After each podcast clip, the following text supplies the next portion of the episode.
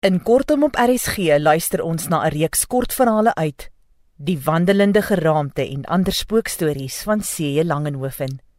Saamgestel en verwerk deur Wendy Martins met illustrasies deur Marjorie van Heerden. Die uitgewer is Protea Boekhuis.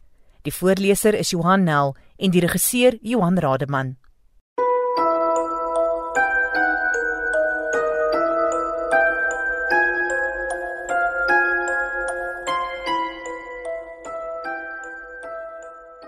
Die treinspook. Baie jare gelede het min mense motors gehad. Almal het maar trein gery as hulle iewers heen wou gaan. Cornelis Langenhoven was een van hulle. Nadat hy ruklank in Kaapstad gewerk het, was hy op pad terug Oudtshoorn toe. Cornelis kon nie wag om terug te wees by sy huis met die groot stoep en die baie roosbome nie. Daar was net een probleem. Die trein was vol. Daar is net een kompartement oor meneer, sê die jong man in die kaartjieskantoor. En ek dink nie u wil in daardie kompartement reis nie. Hoekom nie? Wil Corneels weet. Dit spook daar nadat 'n moord in die kompartement gepleeg is, fluister die man. Boonop het drie passasiers wat agterna in daardie kompartement gereis het, hulself mos dood geskrik. My wêreldseun, Hoekom het jy nie lankal so gesê nie? lag Niels. Ek is mal oor spooke. Dis nie 'n grap nie, meneer, soeba die man. Al is die moordenaar lankal gevang en opgehang, wil ek nie hê u moet die vierde passasier wees wat hom doodskrik nie. Daar's niks om jou oor te bekommer nie, verseker Kerniels hom. Ek is 'n spookkenner. Noem my sommer 'n spookwetenskaplike. Ek bestudeer die gedaantes my lewe lank al. So betaal Kerniels vir sy treinkaartjie in die spookkompartement van die trein Oudtshoorn toe. Terwyl hy betaal, gee hy een lang gaap na die ander. Ek het gisteraand binne niks geslaap nie, sê hy terwyl hy vir sy klein geld wag. Ek het met my grammofoonplaat op en af deur die hele Kaap in 'n taxi gery op soek na 'n buurt waar die hoenders nog kraai om 'n opname te maak. Een van die dae het al die hoenders uitgesterf en weet niemand meer hoe die arme goed geklink het nie. Ek het alles net hier in hierdie grammofoonboks, sê hy en tik op die houtkussie onder sy arm. Hulle sê nie vir nie die laaste spook gee met die eerste hannekraai pad nie. En, en en wanneer is die eerste hannekraai dan? vra die man. Oh, gewoonlik so van 1 uur se kant af. Maar nou kan ek hulle mos laat kraai net wanneer ek wil, glimlag Kerniels met 'n vonkel in die oog. Nie lank nie of Kerniels is op pad na sy kompartement. Teen hierdie tyd weet die res van die passasiers dat iemand dapper genoeg is om in die spookkompartement te slaap. Niels stuur hom niks Hy maak sy bed op en trek sy pyjamas aan. Daarna wen hy op sy tyd die grammofoon met die hoendergeluide op sodat hy dit kan aanskakel as dit nodig is. Kort voor lank is hy in droomland. Nou goeie slaapie, skrik Kerniels wakker. Op die slaapbank oorkant hom lê iemand vas aan die slaap.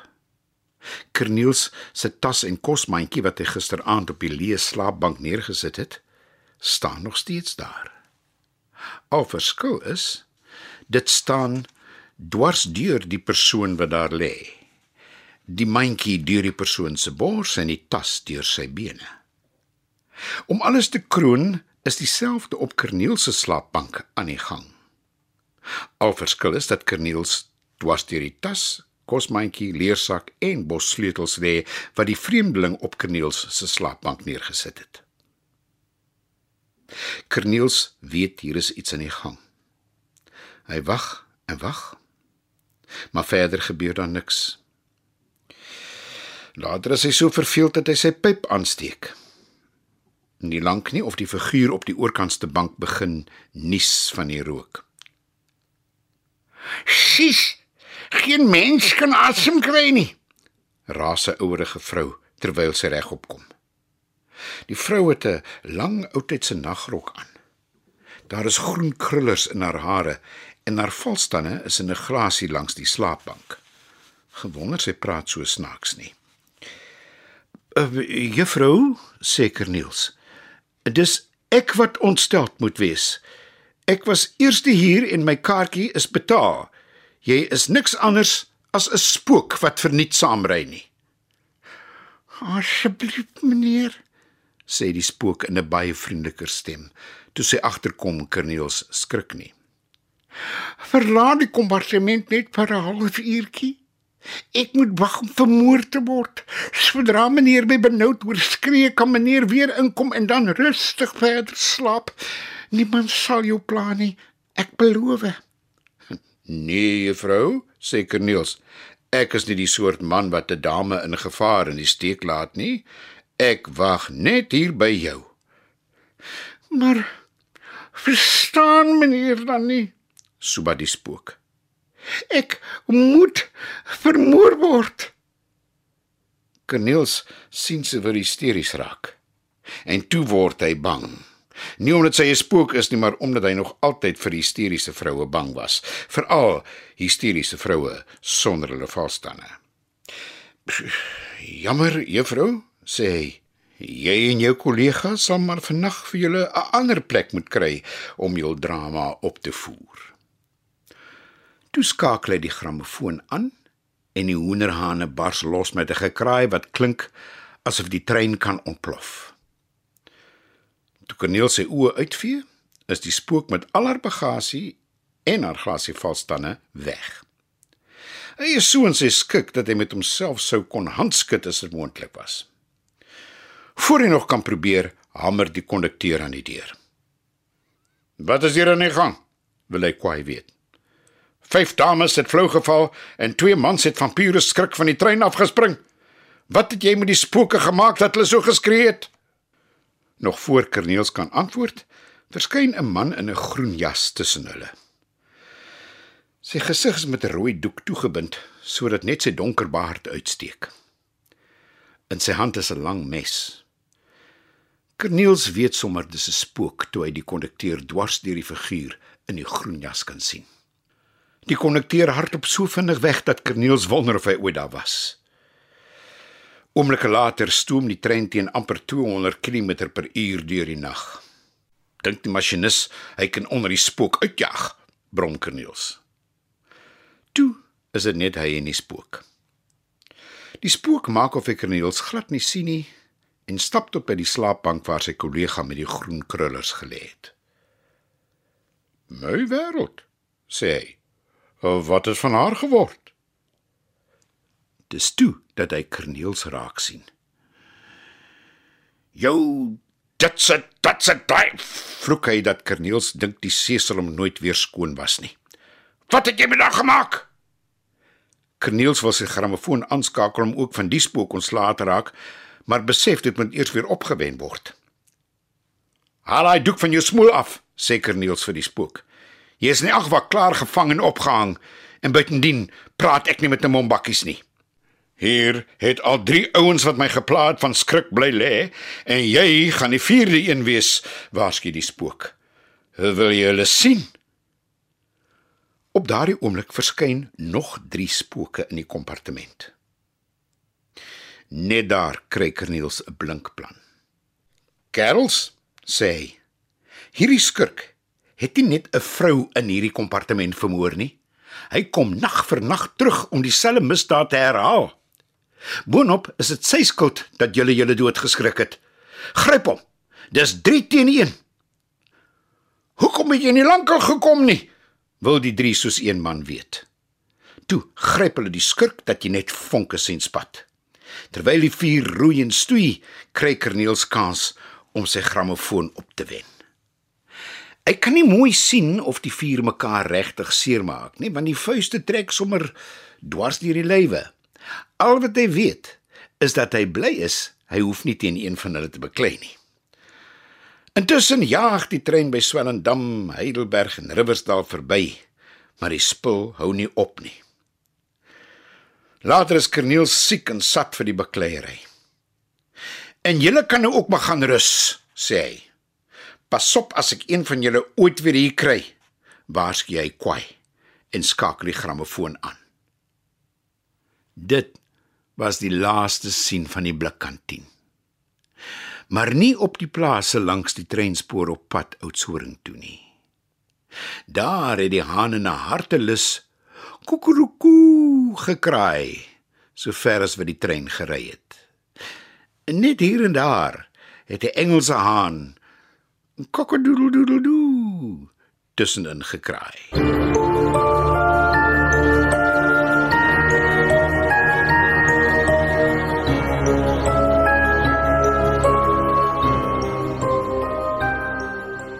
Die wandelende geraamte. Hierdie storie het ek by oom Dirk gehoor. Hy was so amperkies my skoonpa. Gelukkig vir hom het sy dogter Carolina my afgesê en met 'n beter man getrou. Dis nie ek wat so sê nie, dis my vrou en die bure wat so dink. Om 'n lang storie kort te maak, oom Dirk se piepklein plaasie was vasgeknyp in 'n kloof tussen die Swartberge en die Groot Karoo maar so vrugbaar soos die paradys self. Die lemoene en narkies en perskes het geproe as wat dit uit die hemel geval het. En die koringkorrels het vir die lekkerste brood onder die son gesorg. Destyds het ek nog tande gehad wat 'n korsie kon kou. Een middag stap ek en Carolina verby 'n begraafplaasie in die veld. Corneels, vanaand moet pa vir ons van sy ontmoeting met die geraamte vertel sê sy. Geraamte? vra ek en hap net so effens na wind. Ja, die een wat hy ontmoet het toe hy die nag hier verdwaal het, sê sy sonder om 'n oog te knip. Uh, hier? vra ek en maak my rug hol terwyl ek net so effens vinniger stap. uh, Spook is een ding, maar 'n geraamte is 'n perd of is nou 'n spook van 'n heel ander kleur selfs vir 'n spookwetenskaplike soos ek. Daardie aand vertel oom Dirk hierdie storie presies soos dit met hom gebeur het. Ek was nog jonk en het Karoo toe gekom om 'n lappie grond te soek. My pa se plaas was heeltemal te klein vir ons klomp seuns. Dis tussen die twee oudstes verdeel en die res van ons het elkeen 'n bedragie geld gekry, net genoeg om 'n stukkie grond te huur en 'n bietjie voer te koop. Op die ou end was dit genoeg om hierdie plaasie kant en klaar te betaal. Maar uh, moet nou nie dat ek my eie storie vooruit hardloop nie. Ek het my vrou by haar ouers gelos en die pad gevat. Oudtshoorn, Calitzdorp, Ladysmith, Berrydale. Vroegmiddag gaan ek 7 week poort deur. Aan die ander kant van die poort draai ek uit die groot pad. Teen hierdie tyd is dit al sterk skemer. Net toe ek besef ek verdwaal, breek my perdekar se asmos af. Ek klim af en span die twee perde uit. Terwyl ek besig is, vang my oog 'n paar heininge en vrugtebome mapsticks. Dan moet die mos mense naby wees, sê ek vir myself. Maar verniet. Daar is nie eens 'n liggie of 'n vuurtjie in die verte nie. Ek maak die perde aan 'n heining vas en ek gaan haal vir hulle 'n paar gerwe voer in die kar. Toe stap ek verder die kloof af. 'n Dun sekelmandjie hang in die lug. Die sterre blink soos net Karoo sterre kan. En daar, dis net bokant waar my beeskraal vandag is, sien ek 'n bouval. Eindelik meer 'n puinhoop.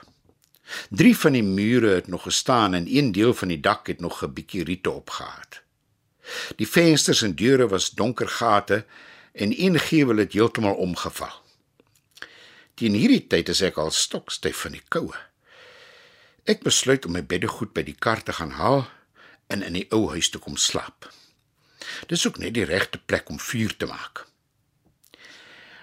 Net toe ek omdraai, sien ek iets wat my in my spore laat vassteek. Uit die pikswart binneste van die huis kom 'n spierwit geraamte. Die ding is so helder dat ek elke beentjie kan tel. Om alles te kroon, stap hy net 'n lewende mens. Eers draai hy half na my kant toe, maar hy draai weer weg en loop tussen die huis en 'n peerboom deur. Die boom se blare hang tot op die grond sodat hy vir 'n oomblik wegraak. Nie lank nie of hy kom aan die kant uit. Hy stap aan met sy een arm voor hom uitgestrek asof hy iets wil aanvat. En so staan en bekyk ek hom tot hy in die bosse verdwyn. Nou moet ek sê, as 'n mens in die nood is, kry jy 'n kalmte wat jy agterna self nie kan glo nie. Ek stap na die perdekar en kry my komberse en iets om te eet.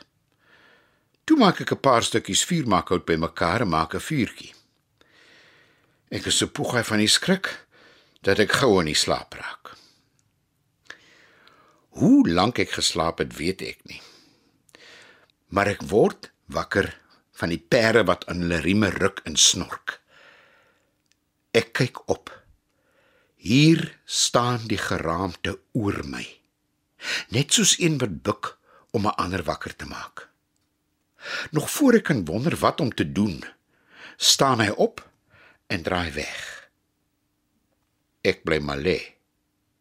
Hy kyk om en toe hy sien ek roer nie, kom hy weer nader en hy wink. Hy loop weer 'n entjie en kyk weer om, net so 'n hond wat vir 'n mens iets wil gaan wys. Om my dom te hou sal nie help nie. Ek staan op en stap na hom toe terwyl hy ewe beleefd vir my wag. En so stap ons langs mekaar verder asof ons dit elke liewe dag doen. Hy laat ook nie op hom wag nie en stap agter die huis teen die berg met die rooi kraanse uit. Hy stap vinnig en ek hou by. Gelukkig was ek nog jonk en fris. Toe ons onder die kraanse kom, swaai hy eenkant toe en stap deur die opening tot heel bo. Hy gaan staan op die rand van die kraans en kyk oor die afgrond. Na rukkie wink hy vir my om ook oor te kyk. Ek is maar skrikkerig want dit is hoog. Reg onder is 'n klipskeur. Terwyl ek nog so kyk, wip die geraamte oor die afgrond, rol teen die kraans af en verdwyn in die klipskeur. Nesse vagals. Ek moet sê vir 'n geraamte beweeg hy baie stil.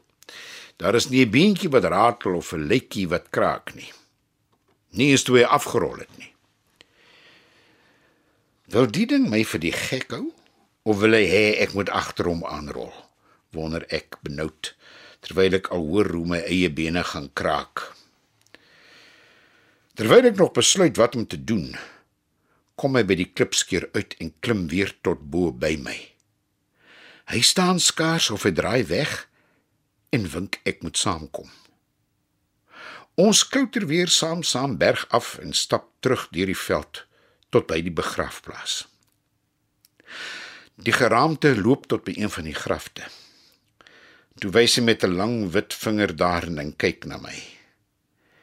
Ek sweer ek sien hoe blink sy oë wat hy nie het nie. En voorts verdwyn hy in die graf. Die volgende oggend toe die son opkom, het ek een van my perde gevat en al met my dwaalspoor tot by die eerste plaashuis gery. Dit het aan 'n Piet Bason behoort. Ek vertel hom waar ek die nag geslaap het en dat ek hulp nodig het om my kar se as aan te sit. Jy het nie dalk 'n geraamte raak geloop nie, wil hy weet. Ja oom, maar ek sal liewer nie vandag verder daaroor praat nie. Jy is nie die eerste een wat hom raak geloop het nie en jy sal ook nie die laaste wees nie. Dis hoekom niemand op daardie plaasie wil boer nie. Ek laat dit maar so lê. Wat is die probleem oom? Ek het al van baie spooke gehoor, maar nog nooit van 'n wandelende geraamte nie. Waarom die spook verkies om 'n geraamte te wees, sal geen mens seker weet nie. Maar ek kan jou vertel wat op daardie plaasie gebeur het. Lank gelede het daar twee bejaarde broers op die plaas gewoon. Hulle was 'n tweeling. Op 'n dag raak die een in die veld weg. Die ander een het gesoek, gesoek. Die bure en polisie het later help soek, maar verniet. Die oorlewende boer het hom uiteindelik doodgetreur en is in die kerkhof begrawe. Van daardie dag af dwaal die geraamte daar rond. Toe die plaas opgevuil word, besluit ek om dit te koop. En dis hoe ek uiteindelik die geheim ontrafel het. sien die broer wat destyds in die veld weggeraak het, het in 'n klipskeur geval. Hy was nie tevrede dat sy geraamte alleen daar lê nie. Hy wou by sy broer se geraamte in die begrafplaas wees. En net daar kry ek 'n plan. Wat wil oom vir die plaas hê? vra ek. Ja, sonder spook sou dit maklik 500 riksdalers werd wees. Maar as jy my 250 gee, is die plaas en die wandelende geraamte joune. Top oom, sê ek en begin die geld aftel wat ek saam met my karoo toe gebring het. Nie lank daarna nie, help 'n buurman my om met 'n tou in die klipskeur af te sak. En net soos ek gedink het, daar lê die geraamte. Ek maak die bene bymekaar en begrawe dit langs die ander broer in die kerkhof. Dit was ook die laaste sien van die wandelende geraamte. Sy voete, of is dit nou beentjies, het nooit weer gejuk nie.